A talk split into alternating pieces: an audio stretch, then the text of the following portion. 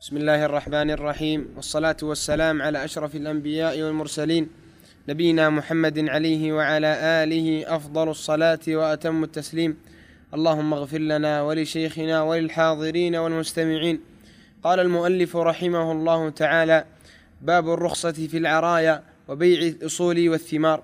عن زيد بن ثابت رضي الله تعالى عنه أن رسول الله صلى الله عليه وسلم رخص في العرايا أن تباع بخرصها كيلا متفق عليه. ولمسلم رخص في العرية يأخذها أهل البيت بخرصها تمرا يأكلونها رطبا. بسم الله الرحمن الرحيم. الحمد لله رب العالمين. وصلى الله وسلم وبارك على نبينا محمد وعلى آله وأصحابه أجمعين. ما بعد فهذا باب الرخصة في العرايا وبيع الأصول والثمار. الرخصة لغة السهولة والتيسير. وشرعا ما ثبت على خلاف دليل شرعي لمعارض راجح. والعرايا سميت بذلك لأنها عريت عن البيع المحرم أي خرجت منه. هذا هو معنى العرايا. والأصول جمع أصل وهو ما يتفرع منه غيره والمراد الدور والأرض والدكاكين وغير ذلك. فهذا الحديث حديث زيد يدل على أن العرايا مستثناه من البيع المحرم وهي النخلات تكون في المزرعة التي فيها نخل فيجوز أن يشتري الإنسان منها لكن ذكر شروطا. منها أن يكون هذا المشتري ليس عنده نقود يشتري بها وإنما عنده تمر. ومن هذه الشروط أن تكون بخرصها تمرا. بخرص الرطب كم يكون تمرا في النهاية؟ ومنها أن تكون في خمسة أوسق فأقل. والوسق أو الوسق ستون صاعا وهذا من رحمة الله تعالى لعباده. فيجوز في هذا أن يشتري هذه النخلات بهذه الشروط يأخذ التمر في النهاية يأخذ الرطب ويعطي بدله تمرا في مجلس العقد يسلم التمر على حسب الخرص. نعم. أحسن الله عليك وعن أبي هريرة رضي الله تعالى عنه أن رسول الله صلى الله عليه وسلم رخص في بيع العرايا بخرصها من التمر فيما دون خمسة أوسق أو في خمسة أوسق متفق عليه. يعني شك الراوي فيما دون خمسة أوسق أو في خمسة أوسق. واليقين دون خمسة أوسق. فلا تصل إلى خمسة أوسق وإنما يقتصر على ستين صاعا لا يزيد عليها. هذه النخلات كم تساوي أو كم فيها من التمر؟ إذا آلت وكان تمرا يكون ستين صاعا يكون خمسة وخمسين. فيكون أقل من خمسة أوسق. يجوز بيع العرايا إذا كانت أقل من خمسة أوسق كما حدد النبي عليه الصلاة والسلام ذلك. وإلا فغيرها إذا زادت تكون من المزابنة بيع تمر بالتمر وهذا من المزابنة الذي يدخل في الربا إلا أنه رخص في العرايا ولهذا سميت عرية يعني خرجت عن المحرم باستثناء النبي عليه الصلاة والسلام. نعم. أحسن الله عليك وعن ابن عمر رضي الله تعالى عنهما قال نهى رسول الله صلى الله عليه وسلم عن بيع الثمار حتى يبدو صلاحها. نهى البائع والمبتاع. متفق عليه. وفي رواية وكان إذا سئل عن صلاحها قال حتى تذهب عاهتها. وعن أنس بن مالك رضي الله تعالى عنه أن النبي صلى الله عليه وسلم نهى عن بيع الثمار حتى تزهى. قيل وما زهوها قال تحمار وتصفار متفق عليه واللفظ للبخاري. هذان الحديثان يدلان على أنه لا يجوز بيع الثمار من ثمار التمر أو العنب إلا بعد أن يبدو الصلاح. وبدو الصلاح في الحب أن يشتد وفي الثمر أن يحمار أو يصفار بحيث يبدو صلاحه. وهذا يكون في النوع الواحد فإذا كان المزرعة فيها سلج وفيها سكري وفيها غير ذلك فإذا بدأ السكري مثلا باللون فيكون صلاحا لجميع هذا النوع. السلج مثلا يكون صلاحا في جميع هذا النوع وهكذا. فالخلاصة أنه لا يجوز بيع الثمار إلا بعد بدو الصلاح. فالحب بأن يشتد ويقوى والثمار بأن تحمار أو تصفار أو يسود العنب. نعم. أحسن الله عليك لأن هذا إذا باعها قبل بدو الصلاح فهي معرضة للعاهة للهلاك. ولهذا نهى النبي عليه الصلاة والسلام عن ذلك. يعني تذهب العاهة. تكون قد آه، أمنت العاهة ومن الفساد إذا بدأ الصلاح نعم. أحسن الله إليك. وعنه رضي الله تعالى عنه أن النبي صلى الله عليه وسلم نهى عن بيع العنب حتى يسود وعن بيع الحب حتى يشتد. رواه الخمسة إلا النسائي وصححه ابن حبان والحاكم. وهكذا العنب حتى يسود حتى يبدو صلاحه. فإذا بدأ السواد فيه فإنه يكون هذا يدل على أنه قد بدأ الصلاح. وكذلك الحب إذا اشتد إذا صلح للجز فإنه يجوز بيعه في هذه الحالة. أما قبل ذلك فهو معرض للعاهة وللفساد. نعم. وعن جابر بن عبد الله رضي الله تعالى عنهما قال قال رسول الله صلى الله عليه وسلم لو بعت من أخيك تمرا فأصابته جائحة فلا يحل لك أن تأخذ منه شيئا بما تأخذ مال أخيك بغير حق. رواه مسلم. وفي رواية له أن النبي صلى الله عليه وسلم أمر بوضع الجوائح.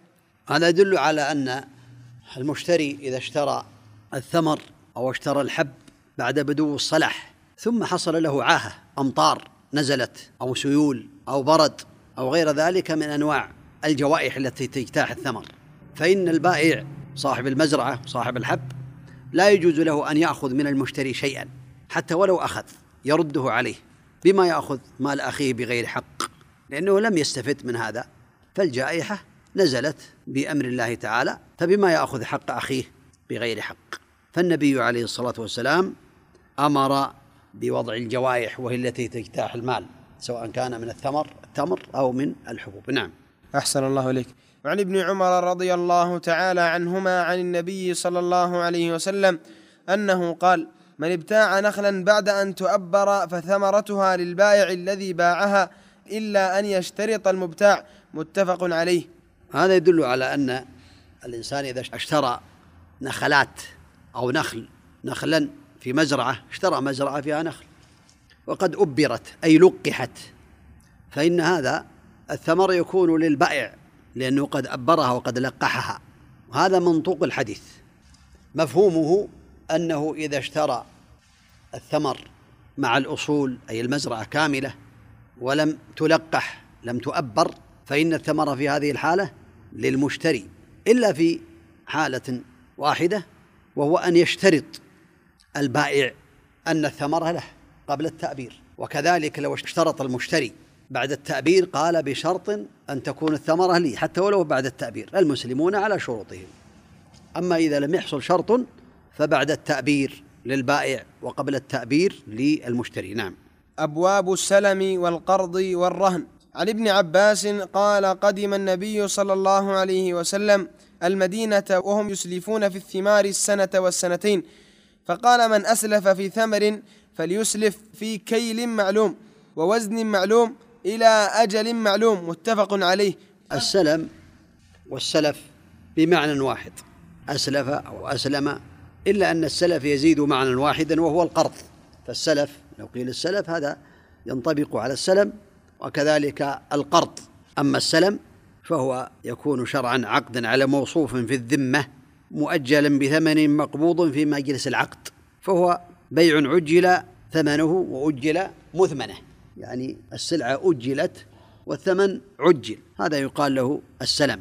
والنبي عليه الصلاة والسلام حينما قدم المدينة وجدهم يسلفون في الثمار السنة والسنتين فقال من أسلف في ثمر فليسلف في كيل معلوم ووزن معلوم إلى أجل معلوم. هذا يدل على أن السلم لابد أن يكون له شروط منها أن يكون في كيل معلوم أو وزن معلوم صفات تبينه وتحدده حتى لا يحصل الخلاف والنزاع. ومنها الأجل المعلوم الذي يبينه النبي عليه الصلاة والسلام إلى أجل معلوم. فلا بد من الأجل المعلوم ولا بد من الكيل أو الوزن ولا بد من الصفات التي تضبط السلعة في الذمة حتى لا يحصل الخلاف. صفات محددة بينة ولا بد من استلام الثمن في مجلس العقد. حتى لا يحصل في ذلك الربا. نعم. وعن عبد الرحمن بن أبزة وعبد الله بن أبي أوفى رضي الله تعالى عنهما قال كنا نصيب المغانم مع رسول الله صلى الله عليه وسلم وكان يأتينا أنباط من أنباط الشام فنسلفهم في الحنطة والشعير والزبيب وفي رواية والزيت إلى أجل مسمى قيل أكان لهم زرع؟ قال ما كنا نسألهم ذلك رواه البخاري. المغانم هي ما يصاب من أموال العدو في القتال في سبيل الله تعالى يستولي عليه المسلمون. والأنباط جمع نبيط وهم قوم من العرب دخلوا في العجم واختلطت أنسابهم سموا بذلك لمعرفتهم بأنباط الماء أي استخراجه لكثرة معالجتهم الفلاحة. هكذا قيل. فالحديث يدل على أن من أسلف في شيء فإنه ليس من شرط أن يكون عنده. إذا أسلف شخصا مال قال أسلفتك هذا المال إلى سنة التمر أو غير ذلك. فليس من شرط أن يكون من أهل الفلاحة. لا ليس من شرط أن يكون من أهل هذه يعني من هذه من أهل هذا المال لأنه قد يشتريه في وقته. نعم. وعن أبي هريرة رضي الله تعالى عنه عن النبي صلى الله عليه وسلم قال من أخذ أموال الناس يريد أداءها أدى الله عنه ومن أخذها يريد إتلافها أتلفه الله تعالى رواه البخاري. هذا في خطر الذي يأخذ أموال الناس يريد إتلافها. يقترض أو يشتري بالدين المؤجل أو غير ذلك من أنواع أخذ أموال الناس. في خطر وفي وعيد شديد إن الله يتلفه.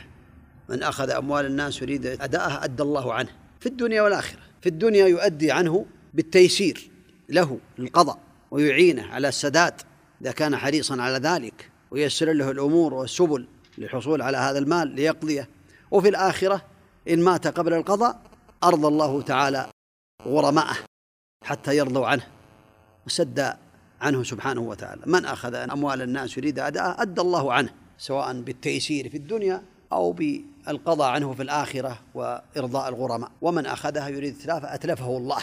قد لا يوفق في الدنيا للحصول على الأموال تبقى الديون في ذمته. وفي الآخرة يستحق العقوبة من الله تعالى وأخذ أموال الناس من حسناته. نعم. أحسن الله إليك. وعن عائشة رضي الله عنها قالت قلت يا رسول الله إن فلانا قدم له بز من الشام فلو بعثت إليه فأخذت منه ثوبين نسيئة إلى ميسرة فبعث إليه فامتنع أخرجه الحاكم والبيهقي ورجاله ثقات. هذا يدل على جواز القرض وأن الإنسان يقترض من المال ويؤديه. وفلانا كان من اليهود أعداء الله ورسوله وهذا من أقبح الأخلاق إنه يأتيه النبي عليه الصلاة والسلام ثم يمتنع. والحديث يدل كذلك على حسن خلق النبي عليه الصلاة والسلام وأنه أحسن الناس خلقا. لو كان غيره من الملوك أو من الأمراء الأقوياء الذين يتسلطون على أموال الناس لأخذ المال بالقوة ولكنه تركه ويدل كذلك على أن الناس أحرارا في أموالهم. لا يغبنون ولا تؤخذ أموالهم بالقهر حتى ولو كان من ولي الأمر. ويدل كذلك على أن النبي عليه الصلاة والسلام كان يحتاج كما يحتاج الناس عليه الصلاة والسلام. ولهذا احتاج ليقترض من هذا الرجل فساء خلق هذا الرجل ولم يعطي النبي عليه الصلاة والسلام فدل على حسن خلق النبي عليه الصلاة والسلام وعلى صبره عليه الصلاة والسلام وعلى عدم ظلمه. وأنه لا يظلم الناس ولا يأخذ أموالهم. صلوات الله وسلامه عليه لأنه رحمة للعالمين وما أرسلناك إلا رحمة للعالمين. نعم. أحسن الله إليك. وعن أبي هريرة رضي الله عنه قال قال رسول الله صلى الله عليه وسلم الظهر يركب بنفقته إذا كان مرهونا ولبن الدر يشرب بنفقته إذا كان مرهونا وعلى الذي يركب ويشرب النفقة. رواه البخاري. هذا في الرهن والرهن لغة الثبوت والدوام. يقال ماء راكد ودائم وشرعا توثيقة دين بعين يمكن استيفاؤه منها أو من ثمنها إن تعذر الاستيفاء. فلا شك أن هذا من الأمور التي توثق بها الديون وثيقة. والنبي عليه الصلاة والسلام قد بين ذلك. فقال هنا الظهر يركب بنفقته إذا كان مرهونا. فالرهن إذا كان من الإبل أو من غيرها مما يركب فإن هذا يكون بالنفقة بإطعامها. يكون بدل ما يحصل من الاستفادة من ظهورها من الركب عليها. واللبن يشرب بنفقته كذلك إذا كان فيها لبن أو كانت أغنام رهنها في مال حتى يجده ثم يأخذ رهنه. فإن المرتهن الذي أخذ هذا الرهن له أن يشرب من اللبن وأن ينفق عليها وهذا حكم النبي عليه الصلاة والسلام. وعلى الذي يركب ويشرب النفقة. النفقة على الذي يركب ويشرب اللبن. لكن إن لم يكن فيها لبن ولا تركب فإن النفقة على الراهن لا على المرتهن. مال محجوز أو موثق فينفق عليه صاحبه ثم يأخذه إذا أدى ما عليه. نعم. أحسن الله إليك. وعنه قال قال رسول الله صلى الله عليه وسلم لا يغلق الرهن من صاحبه الذي رهنه له غنمه وعليه غرمه. رواه الدار قطني والحاكم ورجاله ثقات إلا أن المحفوظ عند أبي داود وغيره إرساله. معنى قوله عليه الصلاة والسلام لا يغلق الرهن أي لا يملك لا يملك الرهن. فإذا رهن سيارة في عشرة ألاف وثمن السيارة مئة ألف ولم يجد المال عند حلول الأجل. فإن السيارة أو الرهن في هذه الحالة يأخذه الحاكم ويقومه كم يساوي ثم يباع ويعطى صاحب الدين ماله والباقي يعطى صاحب الرهن. أما في الجاهلية فكان يغلق يعني كانوا يملكونه.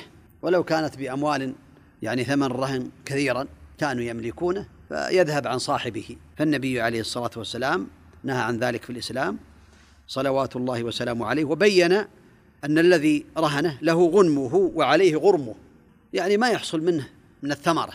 مثال ذلك رهن ناقة فنتجت الناقة فالنتاج لصاحب الرهن له غنمه وعليه غرمه.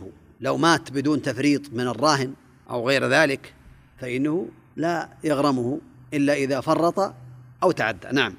أحسن الله عليك. عن أبي رافع رضي الله عنه أن النبي صلى الله عليه وسلم استسلف من رجل بكرا فقدمت عليه إبل من إبل الصدقه فأمر أبا رافع أن يقضي الرجل بكره فقال لا أجد إلا خيارا رباعيا فقال أعطه إياه فإن خيار الناس أحسنهم قضاء. فقال أعطه فإن خيار الناس أحسنهم قضاء. رواه مسلم. نعم ما في إياه. عندك إياه؟ اي موجوديه ها؟ نعم. فقال أعطه فإن خيار الناس أحسنهم قضاء. قد يكون قال في نسخة. الخلاصة أن هذا الحديث يدل على أن الرجل إذا اقترض مالا فرد خيرا منه فهو من حسن الخلق وهو من خيار الناس. كما بين النبي عليه الصلاة والسلام قال فإن خيار الناس أحسنهم قضاء. هذا يدل على أن النبي عليه الصلاة والسلام من خيار الناس بل خيار الناس هو أخير الناس عليه الصلاة والسلام. أعطى هذا الرجل خيارا رباعيا. والرباعيا هي التي دخلت في السنة السابعة. هذا يدل على حسن خلقه عليه الصلاة والسلام وعلى جوده وعلى كرمه. فالإنسان لو اقترض مالا ورد أكثر منه بدون شرط فلا بأس. اقترض مئة ألف قرضا ثم عند القضاء أعطى مئة وعشرة من ذات نفسه بدون شرط بينه وبين المقرض وبدون مواطاة فلا بأس. هذا يكون من خير الناس. لا بأس بذلك. أما إذا كانت الشرط من البداية فهذا من الربا ربا الجاهلية. نعم. أحسن الله عليك وعن علي قال قال رسول الله صلى الله عليه وسلم كل قرض جر منفعة فهو ربا. رواه الحارث بن أبي أسامة وإسناده ساقط. وله شاهد ضعيف عن عن فضالة بن عبيد عن عند البيهقي. وآخر موقوف عن عبد الله بن سلام عند البخاري. هذا الحديث ذكر العلماء رحمهم الله تعالى أنه حديث ضعيف لكن معناه صحيح. العمل به واجب. فلا يجوز أخذ الفوائد من القرض. كل قرض جر نفعا فهو ربا. كان يقرضه مثلا ويعطيه دارا يسكن فيها أو يهدي إليه هدايا من أجل أن يمهله في الأجل. الخلاصة أنه إذا اقترض منه فإنه لا يأخذ منه شيئا من المنافع. كل قرض هذه قاعدة. كل قرض جر منفعة فهو ربا فلا يقبل من الذي عليه الدين القرض لا يقبل منه هدايا ولا يقبل منه شيئا إذا أخذ منه فيأخذ بمقدار ثمنه بثمنة. مثال ذلك لو أقرض شخصا شخصا آخر مئة ألف ثم أعطاه هدية سيارة أو خروف أو غير ذلك من الأموال لا يقبلها. وإن قبلها فبثمنها. المعروف أو يزيد يقول هذا بكذا وكذا من الذي عندك. بشرط أن يعطيه حقه كاملا. فالإنسان لا يأخذ الهدايا من الذي عليه القرض ولا يقبل المنافع منه لأن هذا من المنافع. كل قرض جر نافع فهو ربا. وبالله التوفيق وصلى الله وسلم وبارك على نبينا محمد وعلى آله وأصحابه أجمعين. نسأل الله عز وجل لنا ولكم العلم النافع والعمل الصالح. توفيق لما يحب ويرضاه. اللهم صل على محمد.